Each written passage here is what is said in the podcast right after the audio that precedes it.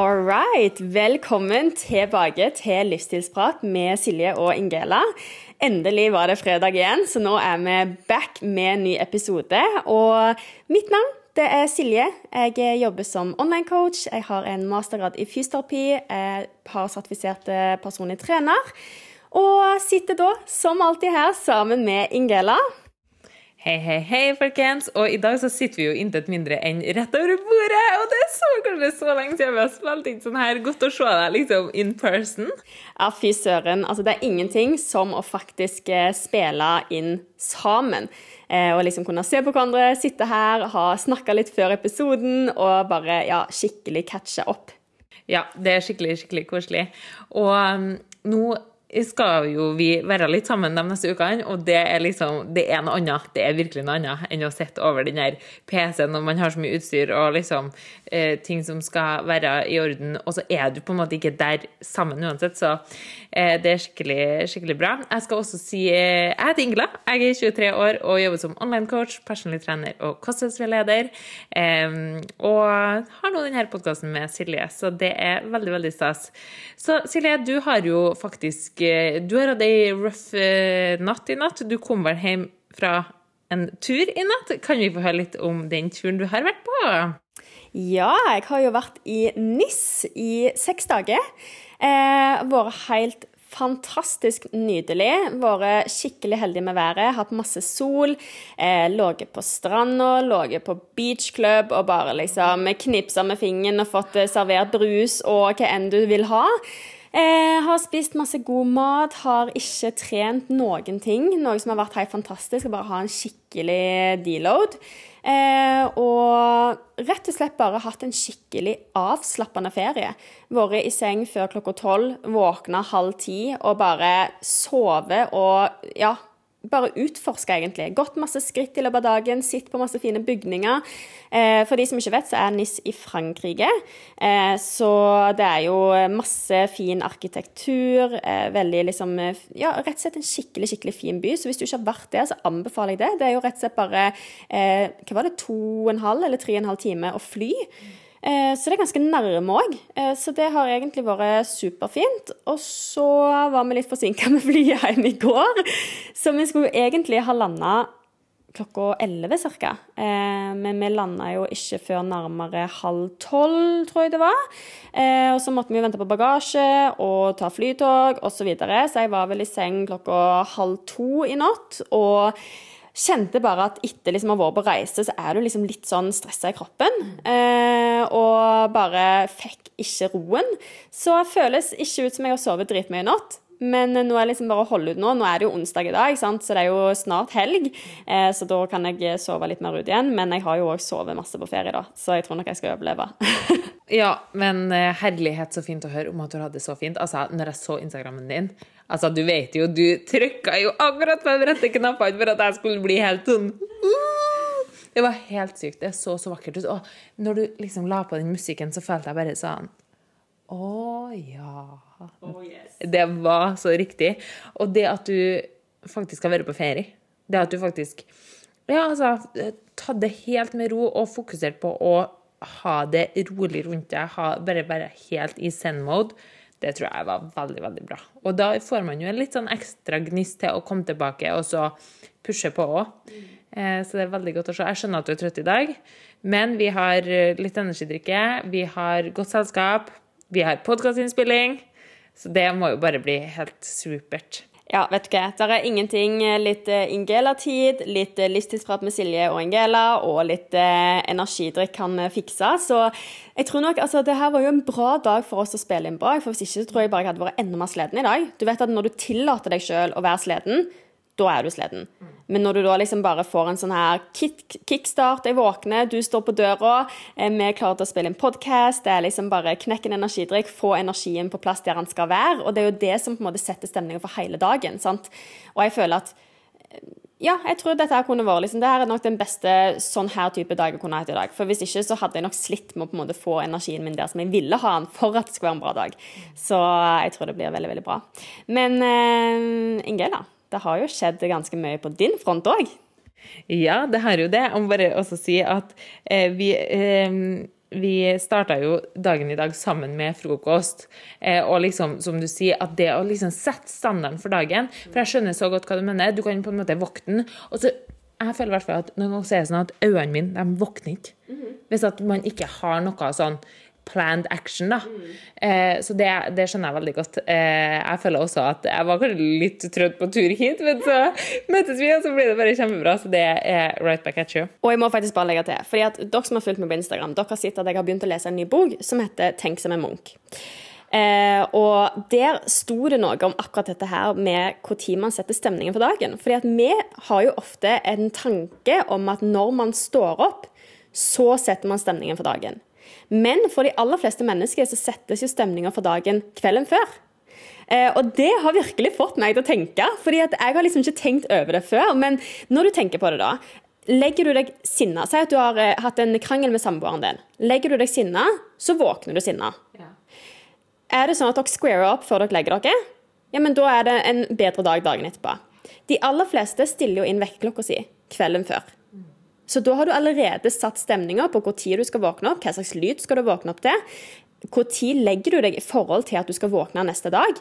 For hvis du legger deg klokka ett på natta og setter klokka til klokka seks på morgenen etterpå, så har du allerede da lagt liksom, eh, stemninger for dagen. Så det er liksom akkurat det her i den boka. Jeg, har, jeg skal dele enda flere sitat fra henne, for jeg har delt noe på turen, og da har det bare alle vært sånn ah, 'Fy fader, hva slags bok er dette?' Og det her stemmer så godt. Og er, altså, På flyet i går så satt jeg og leste i to og en halv time. Det var så mange sitat som jeg bare tenkte det her må alle se. Eh, så det skal jeg dele mer om. Men akkurat det der med å sette stemning for dagen, husk det, folkens. Dere setter faktisk stemningen for dagen allerede kvelden før når dere legger dere. Og det er viktig å huske på. Oi, oi, oi, det var veldig interessant interessant. Og det er så artig når man har en bok foran seg der man er sånn Altså, Man leser bok, prøver å legge bort telefonen fordi at du skal lese bok, sant? og så bare sånn, leser du sånn Faen, jeg må ikke ha telefonen, jeg må ta bilder, jeg må legge det ut på Instagram, folk må se det! Men det, da er det en god bok. Mm. Når du bare føler at Oi, alle jeg er glad i, alle i mitt liv, de fortjener å vite det her. Ja, og jeg har faktisk funnet ut at med denne boka her, så skal jeg bare ha en sånn markeringstusj, og skal tillate meg å markere i boka. Eh, for det er så mange ting som bare er sånn der spot on. Som du tenker sånn OK, det det er ikke sikkert at jeg på et senere tidspunkt har et behov for å lese hele boka på ny. Men det å kunne da ha markert litt i boka, sånn at jeg bare kan bla gjennom, og så finner jeg liksom de her sitatene som du bare på en liksom litt tung dag, så trenger du dette sitatet. Så har du allerede markert det, og så er det mye enklere å finne fram. Så det her er faktisk en bok jeg skal tillate meg å skrable litt i, markere litt i, og bare liksom virkelig trekke ut det beste av det beste, sånn at jeg alltid bare kan liksom bla på ei side og finne det lille sitatet som kanskje gjør den dagen, da. Oi, oi, oi. Ja, det har også skjedd Sofie Elise gjør det eh, i, i bøkene sine. Og det tror jeg egentlig er en ganske bra idé. Jeg vet ikke hvordan man har sånn, eh, sånn hellig tankegang om at uh, boka skal være urørt, eller hva det er. Men hallo, det er jo boka di. Du kan jo gjøre hva du vil med den. Eh, hvor mye mangler du å lese? Eh, ja, hvor mye har jeg igjen? Jeg har kanskje faktisk, jeg tror jeg har sånn 100 sider igjen. Så det er liksom en del igjen. Den boka er vel på 350 sider eller noe sånt. Eh, og jeg føler at han var liksom litt treig i starten, og så bare uh, OK, nå skjedde det noe her. Og da bare ble jeg liksom catcha inn veldig i mye av det som ble snakka om. Så, så, jeg kan absolutt si altså Nå leser jeg den på norsk. Jeg er egentlig en sånn person som leser alt på engelsk. Iallfall hvis det originalt sett er ei engelsk bok. Fordi jeg er veldig på den der at jeg føler at ting kan forsvinne litt i oversettelse, og at det ikke blir like bra.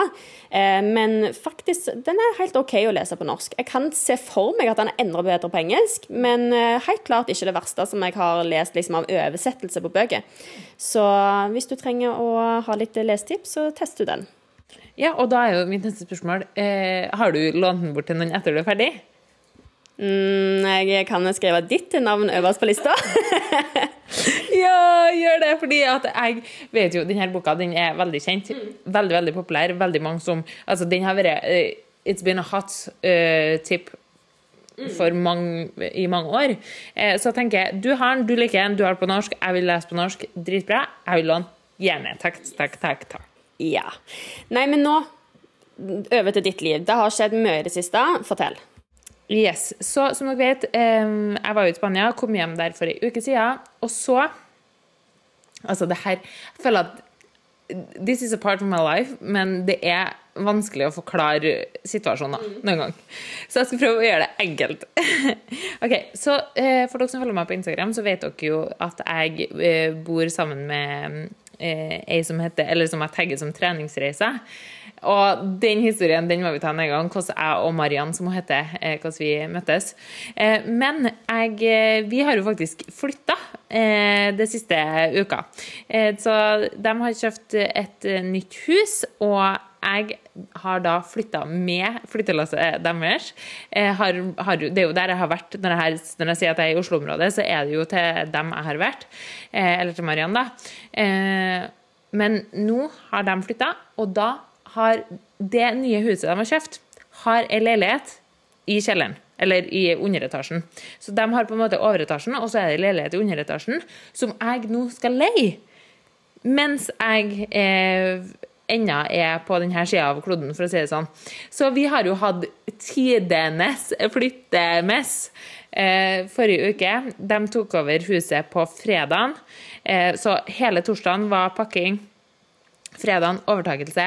Pakke, pakke, pakke, pakke, pakke, helt fram til Eller pakke, flytte, kjøre inn og ut av flyttebil. Heldigvis var det bare fem minutter å kjøre fra hus nummer én til hus nummer to, eh, så det var veldig all right. Men det var en It, it, was a, it, was a, day. Det var masse skritt, det var masse bæring.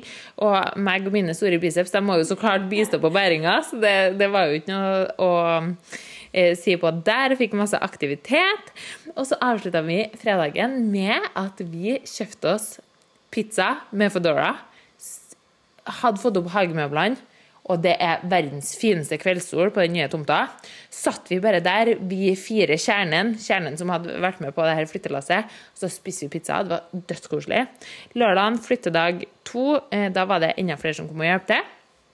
Og da var vi eh, Ja, vi var en relativt stor gjeng, og det var bare bær, bær, bær. Det var lager, det var få alt inne i huset. Og så på søndagen så var det også flytting, men da, var, da hadde vi bestemt oss for å ha en litt mer sånn når vi, når vi var ferdig med lørdagen, eh, så var vi sånn OK, men i morgen så skal vi sove ut. Vi skal våkne, ta det lugnt, ta en litt sånn slabbedask-dag der vi bare går og plukker på litt småting. Mm. Og det gjorde vi. Det var egentlig veldig deilig, for da hadde vi jo gått og carried everything i to dager. Eh, og da fikk jeg ei treningsøkt på søndagskvelden. Veldig godt. Eh, og så Etter det så har det liksom, så langt denne uka her, så har det også vært litt sånn flytteplukk. Eh, I tillegg til at jeg holder på å innrede den leiligheten som jeg skal ha eh, de neste månedene. Så ja, det har absolutt skjedd ting, og jeg er megahappy for det. Altså, jeg må bare denne her situasjonen. Det er jo sikkert veldig mange Jeg, skal, jeg vil bare forklare bitte litt, for jeg tror kanskje at det er noen som ikke helt skjønner. Fordi altså, når du er i Oslo-området, så eh, har jo du ei venninne som heter Mariann, og hun bor sammen med sin familie, altså mann og to unger. Eh, og der har jo på en måte du blitt ei venninne av mamma, men samtidig nesten ei storesøster i den familien. Eh, så det er på en måte den familien Ingela bor med når hun er i Oslo. Bare sånn Hvis dere ikke skjønte det, så er de da en familie, og så bor Ingela med dem. Eh, og nå har du da, eh, eller den familien har da kjøpt seg nytt hus, og i det huset så er det en leilighet som Ingela kommer til å leie den perioden hun er i Oslo. Bare for en liten clearance her. Yes. Det var perfekt clearance, akkurat som, eh, akkurat som um, du sa. Eh, jeg er på en måte jeg, har jo bodd med dem nesten det siste året.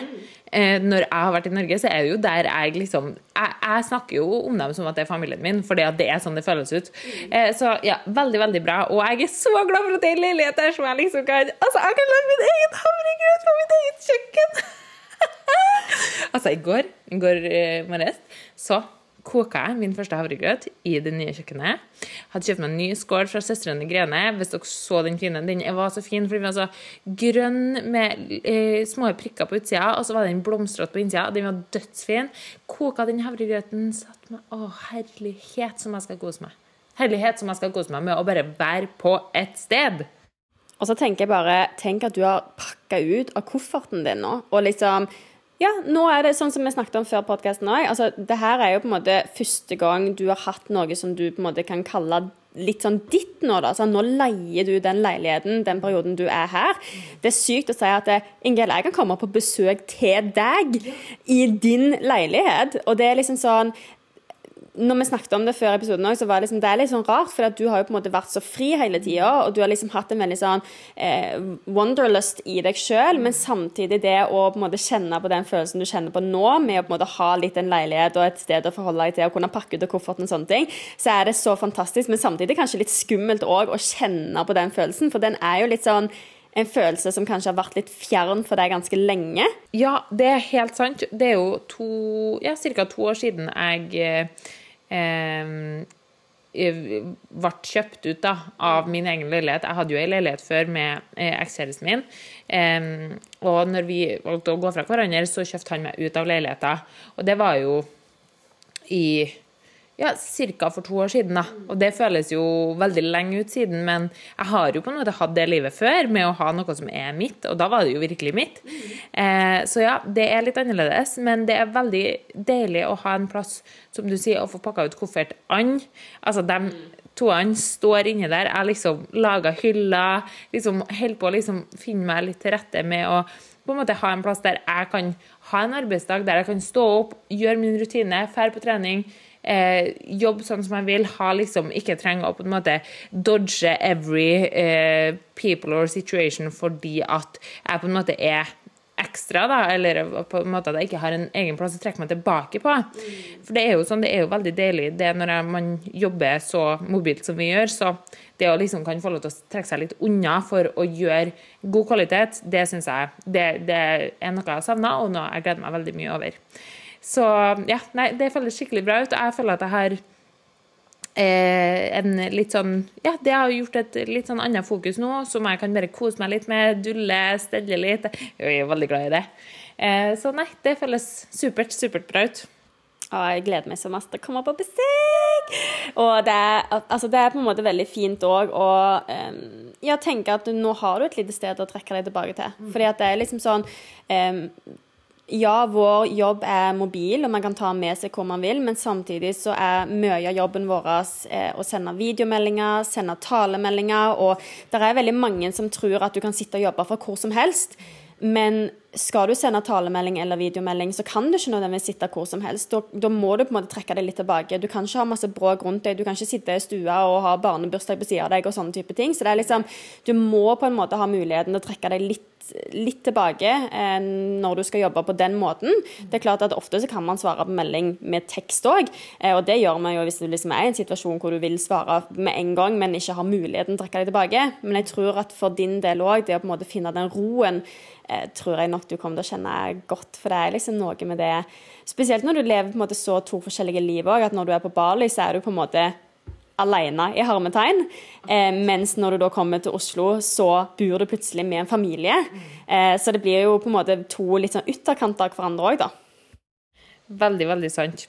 Eh, jeg tenker vi det her kan jo, Vi kan jo chatte. Og det må jeg også si. Forrige episode der chatta vi jo veldig, veldig løst, og vi har fått utrolig god tilbakemelding på det, Silje. Altså, folket likte at vi på en måte var litt personlige.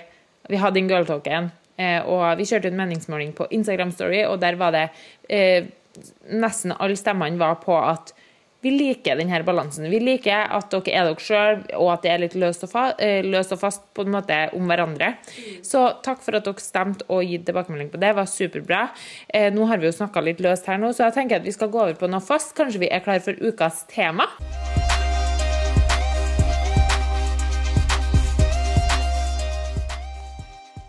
Ja, og ukas tema i dag, da skal vi rett og slett snakke litt om rett og galt i hermetegn på trening.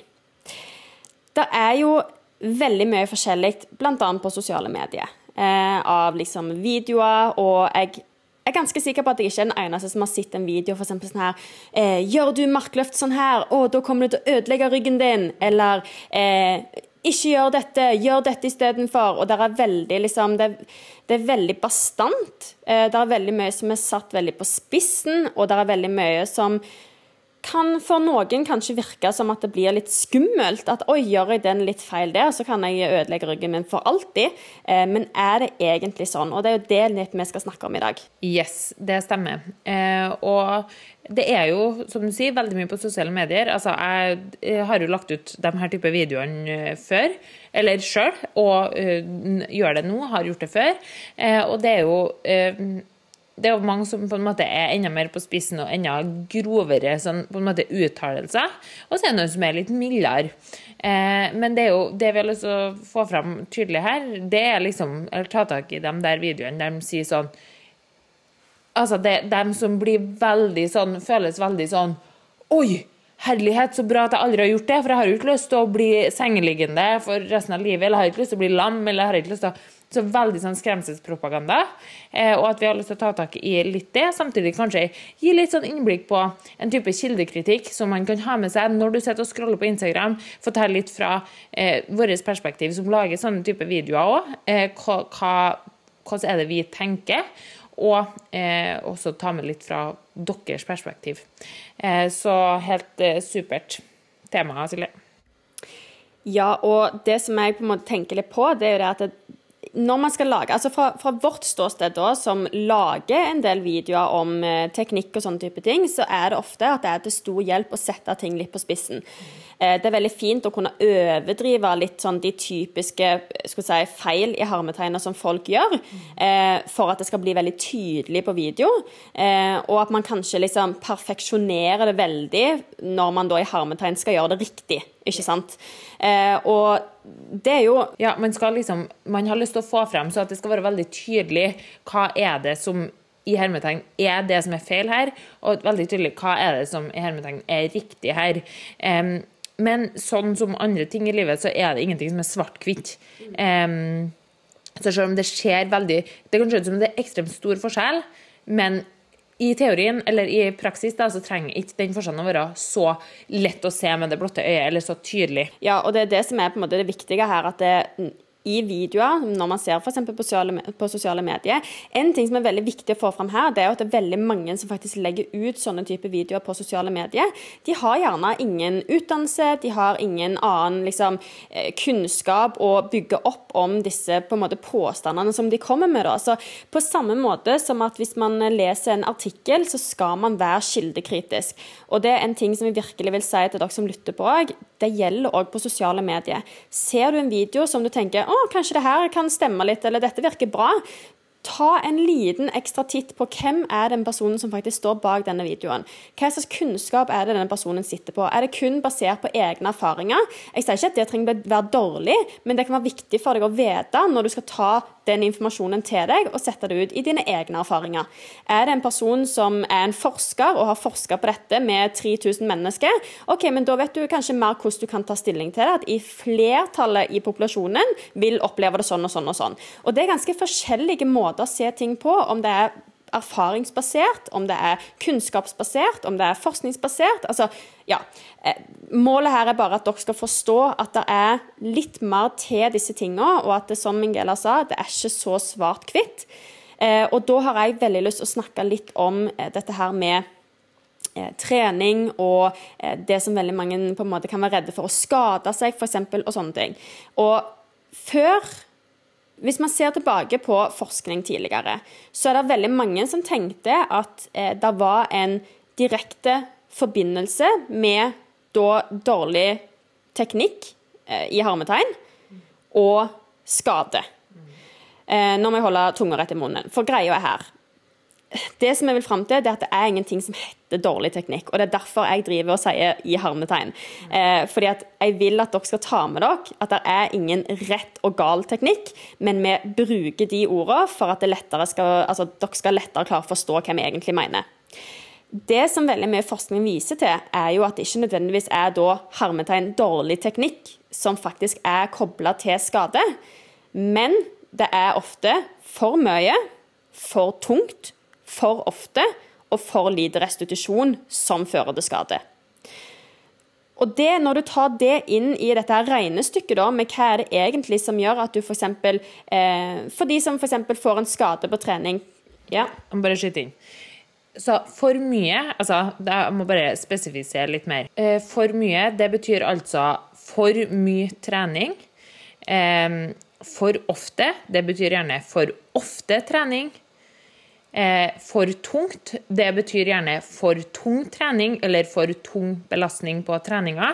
Eh, Og for lite restitusjon, det betyr altså at det, altså kroppen din får ikke nok tid til å hente seg inn mellom det arbeidet som blir gjort. Eh, hvis dere husker tilbake til første episoden eh, vi spilte inn, så snakka vi om totalbelastning. Det Silje mener her, når det er for mye, for ofte, for tungt med for lite restitusjon, det er også det samme som høy totalbelastning. Så, men også mer spesifikt retta til selve treninga, som er en del av den totalbelastninga. Eh, og det her er jo sånn som alt annet, veldig individuelt. For mye for meg trenger ikke å være for mye for deg. For eh, lite restitusjon for meg trenger ikke å være for lite restitusjon for deg. Her er vi veldig, veldig forskjellige, og det er jo noe av det vi kommer inn på eh, når videre, eh, Silje skal fortsette på, på det hun snakker om nå. Det er at vi kommer til å se både på selve treninga som faktisk blir gjort, og alle de her andre parametrene, at det er ingenting som er fastsatt av de her for mye, for tungt, for ofte og for lite restitusjon. Det er også ting som er flytende. Så det er veldig mye å tenke på, og det er en grunn for at eh, man skal eh, være kildekritisk til hvem det er som legger ut disse tingene. Eh, selv om du får opp noe på TikTok-feeden din, eh, så, så er ikke nødvendigvis en person som eh, har grunnlag eller eh, på en måte evidens som du trenger å stole på for deg. Ja, og det er så bra at du trekker det fram sånn som det. fordi at det er virkelig et tema hvor du må holde tunga litt rett i munnen. Eh, fordi at eh, det som ofte kan skje, da, f.eks. grunnen til at mange har tenkt at dårlig teknikk i hermetegn eh, kan være kobla til skade, det er fordi at kanskje en, en vondte eller en skade oppstår f.eks. når du er på trening. Men i veldig mange tilfeller så er det ikke nødvendigvis den ene øvelsen, den ene repetisjonen som i det øyeblikket ga deg smerte, vondte, skade eller hva enn det skulle være, som er nødvendigvis den årsaken til at denne vonden eller skaden oppstår. Som regel så må du da se tilbake på ok, hva har jeg gjort de siste tre månedene. Har det vært for mye? Har det vært for tungt? Har det vært eh, for lite restitusjon? Hvordan spiser du? Hvordan sover du? Hvordan har du det? Og alle disse faktorene spiller jo inn på hva er det din kropp klarer å, å håndtere. Eh, en ting som jeg snakker veldig mye med mine kunder om, er jo dette her med hvordan å vende kroppen til en Altså å øke toleransen til kroppen, da. Og det er noe som skjer gradvis. Og noe som veldig mange kanskje ikke tenker så mye på, det er at selv om kanskje du føler deg klar inni hodet ditt til å gasse på eller legge på enda mer vekt eller gjøre sånn og sånn og sånn, så må du òg fylle et tempo som faktisk gjør at din kropp henger med i gamet. Eh, og det er jo veldig ofte at f.eks. Eh, for mye og for ofte blir kobla til f.eks. en type overbelastningsskade. Problemet er jo at når dette blir snakka om i sosiale medier, eh, så blir det snakka på en måte som ikke tar for seg at det er veldig mange faktorer som spiller inn her. Da de, de legger det kanskje fram som at gjør du knebøy med dårlig teknikk én gang, i hermetegn dårlig teknikk, så får du en skade. Eh, og det det fører til, er jo egentlig bare bevegelsesfrykt. Og jeg vet ikke hvor mange kunder jeg har hatt som jeg har jobba så mye med akkurat dette her med bevegelsesfrykt. For det er noe som virkelig setter seg. Og hva mener jeg med bevegelsesfrykt? Det ligger jo litt i ordet, men jeg tenker jeg kan forklare litt. Eh, vi kan bare si 'gjør du markløft med bøyd rygg'? For det er en setning som går rundt. Yes.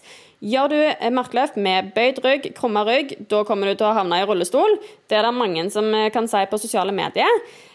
Det gjør jo at når denne personen da skal på treningssenteret, gjør en markløft, kanskje har på en del vekter, så begynner man å sette en tvil til sin egen eh, innsats og sin egen teknikk og sin egen kropp. sant? Hva skjer da? Jo, kanskje på et løft der du er litt sånn åh, kommer dette til å gå, eller kommer det ikke til å gå? Så blir man stressa, og så begynner man heller å overtenke disse tingene, og så blir man redd for å bevege seg feil. I hermetegn feil.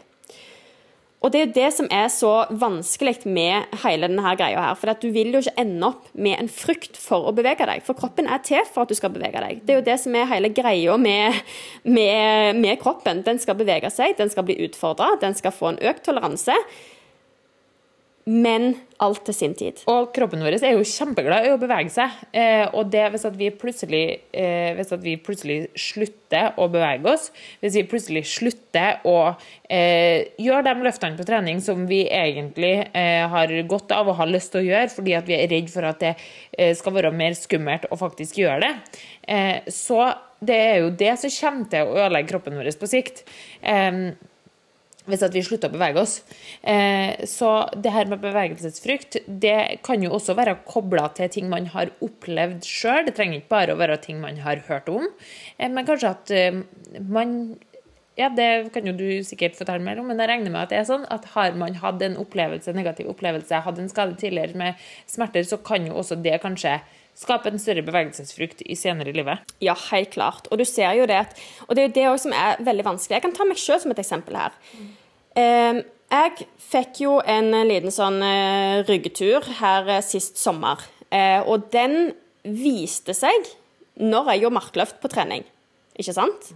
Og da er det veldig lett Hadde jeg på en måte ikke sittet på den kunnskapen jeg sitter på, så hadde jo jeg tenkt oi, der gjorde jo jeg noe feil med markløften min på trening som gjorde at jeg fikk vondt i ryggen. Men spoler jeg da tre måneder tilbake i tid og ser over hva jeg har gjort de siste tre månedene, så vet jo jeg at den markløften jeg gjorde da, det var jo på en måte bare dråpen i begeret som gjorde at alt rant over. Utløsende årsak, altså. Nettopp. Det var den markløften den dagen som tilfeldigvis ble den eh, utløsende årsaken til at mine smerter viste seg i kroppen min. Men det var jo ikke det som var årsaken. Det var jo hva jeg hadde gjort de tre månedene før. Og hva jeg hadde gjort da? For mye, for tungt, for lite restitusjon, for ofte. Ikke sant? Og, og, det er så viktig å ta med seg. Og jeg skal jo helt ærlig si at etter jeg fikk det, så har jeg vært skeptisk til markløft. Fordi at det har jo nå blitt kobla i min i kropp og hjerne som at å, oh, shit, det var det som utløste smerten. Men klarer du å da trekke deg litt ut fra situasjonen og faktisk forstå hvorfor oppsto disse smertene i, i første omgang? Å gå til roten av hva, jeg, hva gjorde jeg feil i oppløpet mitt til denne markløftdagen min, eh, så skjønner jo jeg òg at det er ikke markløften. Og Det er jo det som er så viktig å ta med her, for da fjerner du òg denne frykten for markløft. Jeg har jo masse kunder som f.eks. Eh, kan ta utgangspunkt i den ene kunden min som eh, har prolaps i ryggen. Fått påvist gjennom bildet, vært hos lege osv. Eh, og dette ble da Prolaps, da må vi også få vite hva prolaps er. Ja, prolaps, altså Kort fortalt eh, så kan det enten være altså, det som kan kalles skiveutglidning, men det kan òg f.eks. være væske i ryggen. Eh, det er ikke sånn som veldig mange tror. Eh, veldig mange, når jeg sier prolaps, tenker jo da at de ser for seg en ryggrad. De ser for seg alle disse virvlene, og så ligger den ene virvelen helt utenfor ryggraden. Det er jo det veldig mange ser for seg. Det er absolutt ikke sånn det trenger være. I de aller fleste tilfeller så er det ikke sånn, heldigvis. Eh, men det kan f.eks. være eh, væske som trykker. Du har jo veldig mye ulike strukturer inni ryggraden. Eh, så altså prolaps er ganske Det kan forklares på mange måter, for det finnes mange ulike typer prolapser. Men generelt sett så kan du da si at det, det, da er det noe som irriterer nærliggende struktur i ryggen. Ja, Det er noe som på en måte har lagt seg litt i klem, på en måte? Eller er borti noe ja, nærliggende struktur, og at du får gjerne vondt. Og folk har Det er utrolig mange forskjellige opplevelser av prolaps. Jeg føler at eh, folk tenker at prolaps er én ting, som du sier, at det er den der ryggvirvelen som nesten har datt ut. Eh, men ja, jeg ville bare ta inn det òg. Ja, og det er veldig viktig å få fram at det er veldig mange som kan til og med ha prolaps uten at de vet det. Eh, noen har prolaps som gir masse smerte over lengre tid. Noen har prolaps som ikke viser seg. Eh, hadde vi tatt bilde av alle ryggene til alle i verden, så er jeg sikker på at det er ganske mange som hadde hatt ting på de bildene som ikke gir noen som helst utslag i verken smerte eller vondt eller liksom noen ting. Men, men det er jo i de tilfellene hvor det gir vondt, at man begynner å på en måte prøve å forstå hvorfor. Eh, men, men, det som er viktig å få fram her, det er nettopp dette her med har du vondt, er du redd for å få vondt, prøv å eh, trekke deg sjøl litt ut fra situasjonen, og prøv å tenke litt større enn f.eks. at oh, det var den ene repetisjonen som gjorde at det gjør vondt. For i de aller aller fleste tilfeller så er det ikke sånn. Eh, og det er nettopp derfor eh, hele ukas tema handler om riktig og feil, altså i harmetegn teknikk. For hele poenget vi vil fram til her, det er jo det at alle kropper er forskjellige. Det er kjempeviktig å huske at det er ingen riktig teknikk. Det er ingen feil teknikk. Det er ingen eh, OK, her, sånn her gjør du knebøy. Still deg sånn og sånn og sånn og sånn.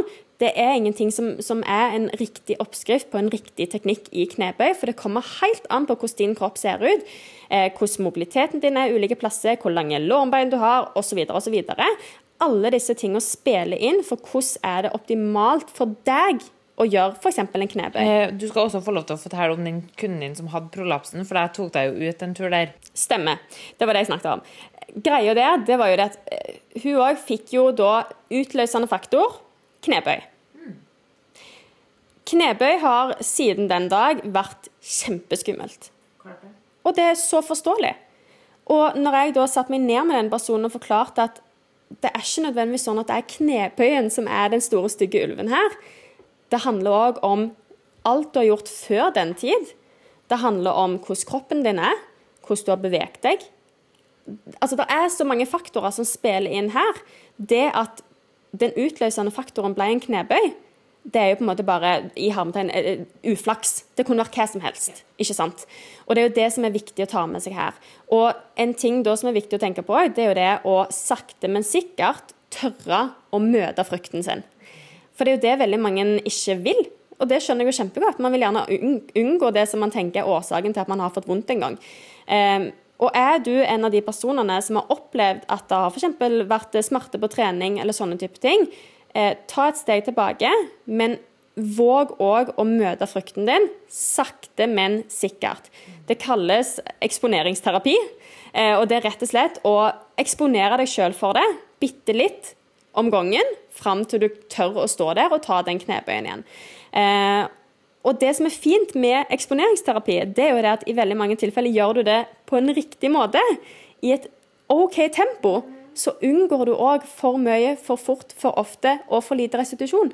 For det er ikke sånn at du skal gå all in fra første gang. Det er ikke sånn, Har du hatt en dårlig opplevelse med markløft, ja, men da tenker jeg vi starter med å makse 150 kilo i markløft. Bare sånn at vi liksom har møtt han og bare tar han by the core. Det er ikke det det handler om. Sant? Da tar man et steg tilbake, og så bygger man seg sakte, men sikkert opp, sånn at du kjenner at men det her går bra. Jeg mestrer det. Og kroppen min fungerer jo. Kjempe, kjempebra eksempel der. For det er jo sånn eh, når dere begynte sikkert å innføre knebøy også til denne kunden, og da, da, er det jo da er det sikkert snakk om å gjøre knebøy uten vekt. Det kan jeg se for meg helt i starten. Bare kjenne på bevegelsen, kjenne at kroppen funker, og da får man jo også tatt høyde for eh, det du det som, det som, er viktig for å ikke bli skada. Så det er jo kjempebra. Eh, vi skal også tilbake på det her med Du begynte å snakke om eh, ulik anatomi, og at hvordan kroppen vår er satt sammen, skrudd sammen. Eh, ting ting som er med oss mennesker, som er ulikt fra menneske til menneske, det vil utgjøre en ting. Eh, men ja, fortell oss litt mer om det. Når det kommer til teknikk og utførelse, så har kroppsbygningen vår mye å si. Eh, for eksempel, hvis du tenker fra kne opp til eh, hofta. Lengden, dette her er da lårbeinet vårt. Lengden her vil avgjøre ganske mye hvordan f.eks. en knebøy vil se ut. Og det vil jo si at Har du veldig korte lårbein, eh, så er det kanskje lettere for deg å stå litt smalere i en knebøy. For eksempel. Fordi at Hvis du har veldig lange lårbein, så betyr det at for at du skal sette deg ned i en knebøy, så må rumpa di veldig langt bak og veldig langt vekk fra knærne. Med mindre du f.eks. har veldig mye ankelmobilitet. Og alt, altså Når det kommer til kroppen, så spiller alle faktorer inn. Sant? Hvor er du sterk hen, hvor er du svakere hen, hvor lange bein har du, hvor lange armer har du, hvor lang overkropp har du i forhold til beina dine, eh, mobilitet.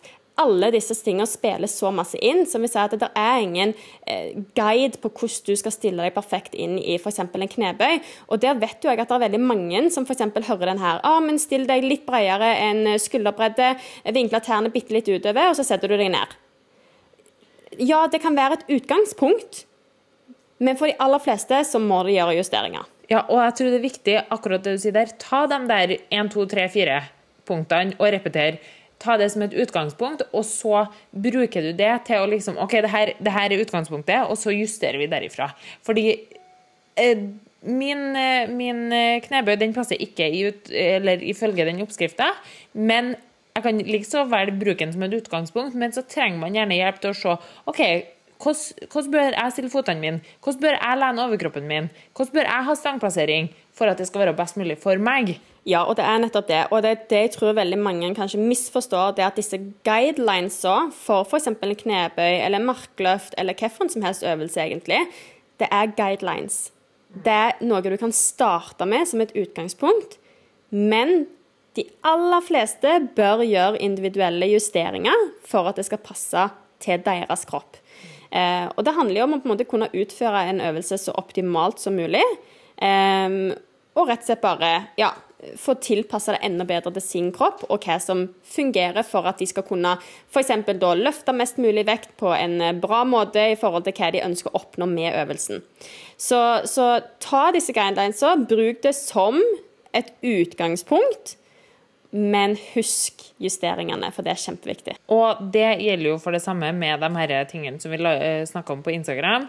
Eh, der kan du, altså Noen ting de trenger ikke å høre på i hele tatt, for noen av dem rett og slett, det må vi være så ærlige å si, at noe av det som du sa, det er null hold i virkeligheten. Det er bare piss. Ofte så kan man også se at eh, ting, spesielt i forhold til kosthold, føler jeg, eh, fordi at det er lettere å selge noe innenfor kosthold i form av produkter. Mm. Det er vanskelig å selge at noen skal kjøpe et produkt for å, eh, for å fikse en knebøy, på en måte.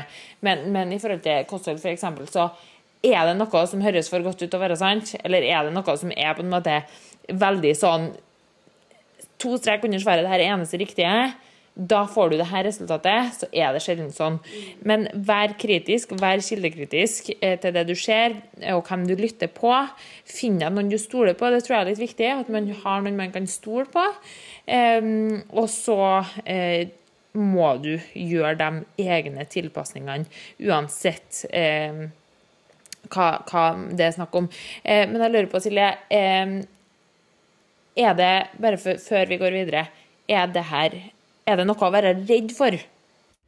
Nei, og det, det her er jo dødsbra at du liksom tar opp nå på slutten. Det som jeg vil fram til her nå, det er at ikke vær redd for å bevege deg. Så lenge du starter eh, forsiktig, øk toleransen for trening, eh, uansett hva du på en måte skal gjøre. Det er litt sånn eh, Skal du eh, begynne med svømming, ja, men da begynner du ikke med å svømme eh, ti timer om dagen hver dag i uka. Man begynner forsiktig. Så dette handler ikke bare om du trener styrketrening på gymmen, det handler om basically alt det du gjør. Du kan til og med ta en kontorjobb. Går du fra å ikke ha jobb på kontor noen gang til å sitte på kontor åtte timer om dagen, ha litt dårlig økonomisk stilling, ja, men da skal du se plutselig så kanskje du får litt vondt i håndledd eller sånne type ting, og så gjør du justeringer for å unngå det. ikke sant? Så det her handler om alt. Du må begynne et sted, og så må du bygge deg opp sakte, men sikkert. Og så må du passe på at balansen mellom det du gjør, og restitusjonen mellom det du gjør, faktisk er riktig. Eh, for det er sånn som vi har nevnt i tidligere episoder òg, det er ikke sånn at nødvendigvis jo mer, jo bedre.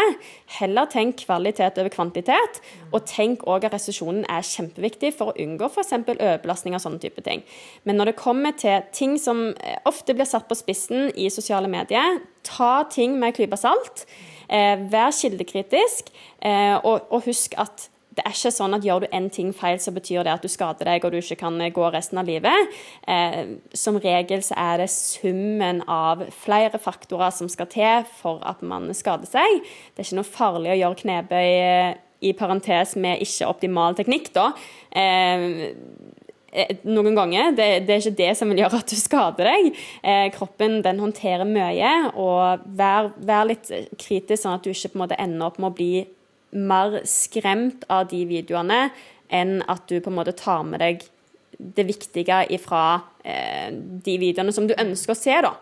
Eh, og det tror jeg er viktig, for det er, en jungel der ute. Og sånn som Ingela nevner, ha noen som du stoler på. Eh, jeg sender ofte videoer til folk rundt meg og spør hva tenker dere om dette. Er det, er det helt på jordet at jeg ikke er enig her, eller tenker dere det samme? Eh, kan vi drøfte litt? Hva, hva, tenker du om den kilden som er brukt her? Og det å på en måte ha folk å sparre litt med når man blir usikker, det er kjempefint. Og det her er jo noe vi jobber sykt mye med våre kunder, med teknikkvideoer. sånn for oss er det veldig viktig at våre kunder skal føle seg trygge på det de gjør. De skal føle seg trygge på trening. De skal føle at øvelser Eh, opplevelsene de skal være fine, eh, og det skal ikke være noe risiko med det. og Det er en grunn for at vi terper utrolig mye på det her med eh, film deg sjøl på trening.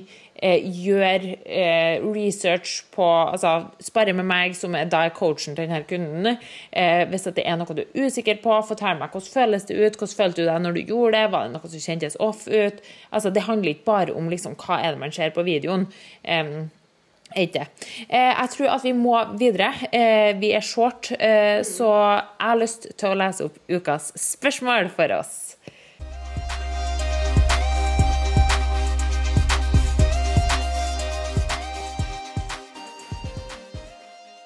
Så, ukas spørsmål. Det lyder som følger. Passer veldig veldig bra til dagens tema, så det var egentlig perfekt. Takk til deg som sendte inn. Det setter vi veldig stor pris på hun her har skrevet da Hei. Jeg ser ofte at jenter som tar knebøy på Instagram, går veldig dypt. Eh, dette klarer ikke jeg. Betyr dette at jeg gjør feil? Mm -hmm. Veldig aktuelt spørsmål. Jeg kan ta det short one. Det korte svaret nei. Det betyr ikke at du gjør feil, selv om du ikke klarer å gå like djupt ned som noen av de Instagram-videoene du ser. Og her må jeg bare få lov til å si at det er jo ganske mange ekstreme videoer av bl.a. dette her med ass to the grass i knebøy, bokstavelig talt sette seg ned i bakken mellom repetisjonene sine osv. osv. Og her vil jeg bare si at det er ikke nødvendigvis sånn at jo dypere du går, jo bedre er det. Eh, og det er viktig å få fram her at det er noen som går så dypt på bekostning av en optimal teknikk for deg. Eh, og som på en måte kunne ha stoppa tidligere og mest sannsynligvis fått mer ut av øvelsen, eh, istedenfor å sette seg så langt ned som de gjør. Det som er viktig å huske på her, det er igjen din kropp. Den er ikke som noen andre sin kropp. Hvor mye mobilitet du har, hvordan du gjennomfører en knebøy, og hva som er optimalt for deg, det er kun din kropp som avgjør. Eh, er det noen som setter seg ass to the grass og sier at det for den personen hadde vært optimalt for å på en måte få så mye som mulig ut av en knebøy, så betyr ikke det at du bør gå til samme dybde for å oppnå like mye i en knebøy. Vi kan jo ta utgangspunkt i f.eks. hvis du driver med styrkeløft, mm. så er det jo retningslinjer på hvor dypt du må sette deg i en knebøy. Og selvfølgelig, skal du da konkurrere i styrkeløft, så må du jobbe for å kunne tilpasse kroppen til den dybden som du må ha for å få godkjent et løft. Men da snakker vi jo om eh, altså I styrkeløft så er jo målet å løfte så mye vekt som du klarer, én repetisjon. Eh, og det er jo noe som styrkeløftere må jobbe med. altså Da må de jobbe med mobiliteten som kreves for å kunne sette seg ned i den dybden som er krevd i konkurranse. Tar vi da en, si, en, vanlig person som har fokus på muskelvekst, som, eh, som, ønsker å bli sterkere på trening, bygge muskler, eh, så kan dybden på knebøyen variere veldig. Eh, alt etter kropp, alt etter hvordan man gjennomfører knebøyen, rett og slett. Og det er viktig å ta med seg. Eh, så det er nei, absolutt ikke sånn at bare fordi at du ikke går fullstendig ass to the grass, så trenger ikke det bety at du gjør den feil. Det trenger ikke bety at du gjør den dårligere enn noen andre. Eh, så lenge du gjør en eh, teknikk som er optimal for din, din kropp og ditt mål med treningen, for alle har ulike mål med treningen, Eh, det er liksom det viktigste. Så ta med deg det. Og er du usikker på om du gjør en knebøy som er optimal for din kropp og optimal for dine mål med treningen, spør noen som kan hjelpe deg. Det der var jo Jeg tenker at det der må jo være en eh, det, det er ikke bare denne lytteren som har stilt inn dette spørsmålet, som, som eh, kan ta til seg det der siste rådet ditt, Silje. Så det høres jo ut som at vi har ukas oppgave på det.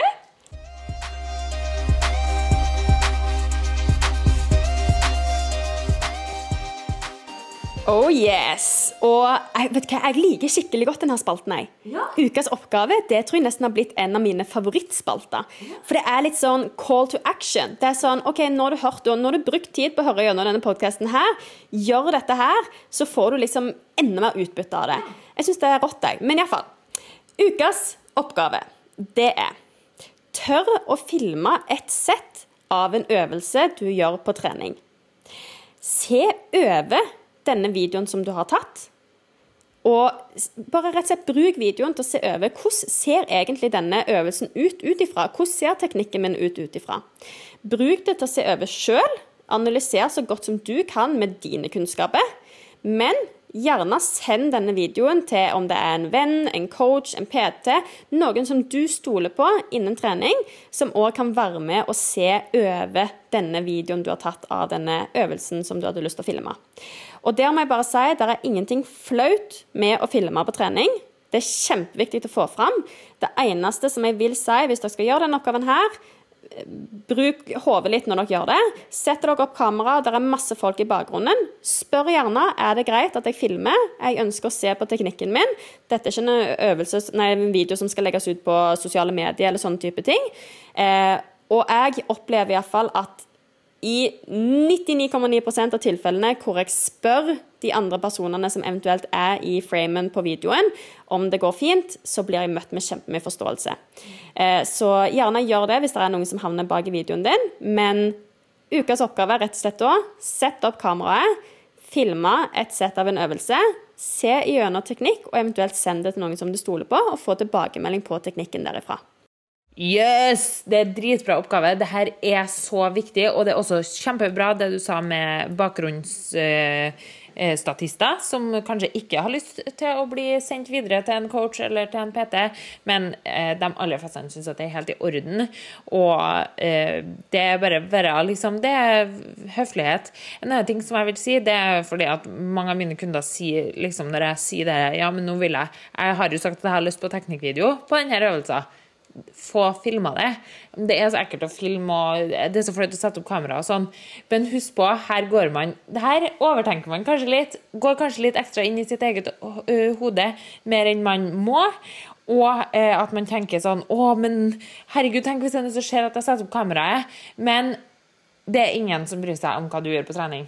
Så hvis at du har lyst til å kanskje få enda mer utbytte, kanskje lære litt mer om din egen kropp, kanskje få sett eh, fra en litt annen vinkel. Det er Ofte så blir man jo stående og dra seg sjøl borti speilet. Så jeg syns dette er en dødsbra oppgave for å liksom kan se det fra det perspektivet som faktisk eh, er reelt, eh, og fremfor at um, man bare liksom antar, eh, antar, at det er greit, så er det veldig lærerikt å se litt på det.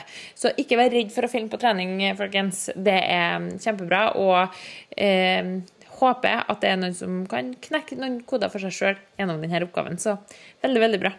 Ja, jeg syns det er så fint. Og det er jo noe av det våre kunder, iallfall jeg opplever i hvert fall at det er noe av det mine kunder lærer mest av. Det er faktisk når jeg ber dem om å sjøl se gjennom de videoene som de sender til meg, og eh, faktisk reflektere over hva er det du ser. Hva er det du tenker at du kan gjøre bedre eller annerledes?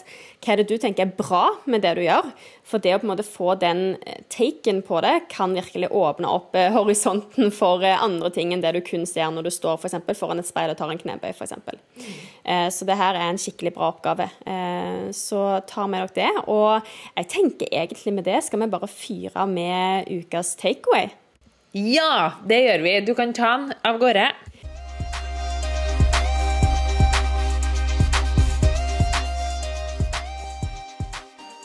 Så ukas takeaway det er rett og slett det finnes ingen riktig teknikk. Punktum. Oh yes. Så basically, det vi vil at du skal ta med deg fra denne episoden her, det er ingen rett og feil. Alt avhenger av din kropp. Alt er individuelt for hva dine mål er, hvordan din kropp beveger seg. Eh, det er ingenting som er eh, rett å gjøre, det er ingenting som er feil å gjøre. Eh, ikke være redd for å prøve deg fram. Jeg vet ikke hvor mange ganger jeg har prøvd meg fram på ulike øvelser, og jeg har gjort så mye rart på det treningssenteret. Eh, men det er helt greit, fordi man lærer, man prøver. Jeg filmer, jeg justerer. Eh, rett og slett for å prøve å bli enda mer kjent med hva er det som er optimalt for min kropp. Og det er jo en, hel, er jo en av de kjekkeste tingene med trening, syns jeg. Det er jo nettopp det å prøve seg fram. Og det er ikke farlig. Det er ikke farlig å gjøre en repetisjon med det som kanskje du tenker oi, det var ikke helt optimal teknikk for meg. Da justerer du, og så lærer du, og så kan du få enda bedre teknikk i framtida. Så det er ingen riktig teknikk. Dødsbra, Silje. Eh, det her syns jeg eh, det, det, ble en litt sånn litt, eh, episode med litt sånn blanding av både litt sånn eh, chit-chat og litt sånn egentlig ganske håndfast. Eh, det yrket vi jobber i, i denne bransjen, så er det veldig mye som er, Det flyter over i hverandre. Eh, så på samme måte som vi sier at dere skal være kildekritiske til det dere ser på Instagram, vær også like kildekritisk til oss.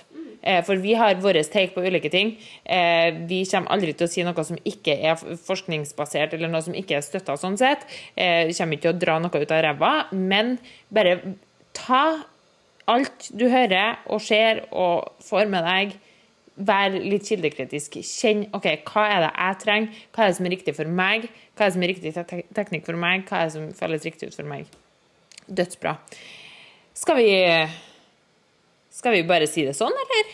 Jeg tror det. Jeg håper at det, at det ikke ble for uh, rodete. Det var liksom, eh, jeg følte at det var mange ting jeg ville ha fram, og du ville ha fram. Jeg håper at dere liksom har fått med dere essensen av liksom det viktigste. Og egentlig bare ja, legge, sånn, ja, legge til sides den frykten som kanskje mange kan kjenne på for å gjøre feil. det, er det er ingenting som er feil. Eh, så jeg håper at eh, dette her kan eh, være med å være litt til hjelp for dere som lytter på. Veldig fint det som Ingela sa om at alle har sin take på ulike ting. Og du må, som lytter på, må finne på en måte din take på ting.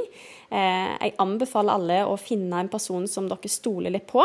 Sånn at i jungelen av all info, så, så kan dere på en måte sparre litt med en person og få litt sånn OK, hva er det egentlig som stemmer, og hva er det som ikke stemmer? Det er kjempehjelpsomt. Eh, og så tenker jeg egentlig bare vi, vi sier takk for oss i dag. Yes, det gjør vi. Tusen, tusen takk for oss, folkens. Tusen takk for at du lytter på eh, Livsstilsprat med Silje og Ingela. Vi snakkes neste fredag klokka seks. Og husk som alltid, DM-en på Instagram er alltid åpen. Vi er bare i melding unna. Gjerne trykk på abonner og få med deg de nye episodene vi legger ut. Hvis du ikke ennå har lagt igjen en vurdering på oss i Spotify og podkastappen, så blir vi alltid veldig, veldig glad for det. Så høres vi plutselig igjen. Vi høres!